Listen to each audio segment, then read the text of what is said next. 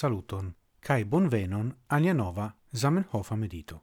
Hodiau, mi volas legi kai mediti cun vi sur articolo el la gazeto La Esperantisto kiu aperis en la jaro 1893. Mi estas rande de la fino de la pagio cent sestec quin. Cun gioio ni rapportas al niai amicoi, che dank alla tuta fortigita stato de nia afero, la creado de la longe attendita ligo academio esperantista farigis fine ebla. Ni fondas nun tian ligon. Gi ne havas multa in paragrafoin, cae complicitan regularon. Gi ne havas presidantoin, nec comitatoin.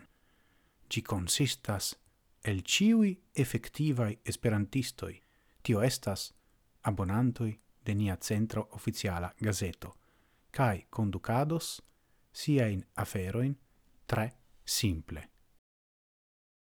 Carai, kia malsimilezzo con la nuna esperanto movado, alegiloi, cotisoi, estraranoi, ciui demisias, Ĉu viscias la differenzon inter comitatano A, B kaj C en UEA?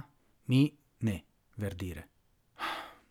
Shainas al mi che la burocratigio de la movado estas unu, e la cefai causoi de gia criso, multa iunae homoi foriras, cae perdas la entusiasmon en la tuta afero, cae in tiu senso temas pri la Zamenhofa interpreto de la afero cun maiuscla A, giuste pro tio, ili eniras cae faras laboron por plenigi paperoin.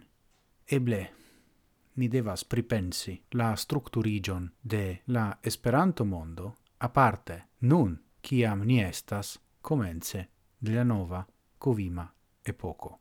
Ien mia instigo cum mediti mi ne havas respondoin. Dankon pro via attento, gis morgau, cae, ciel ciam, antauen, sen fine.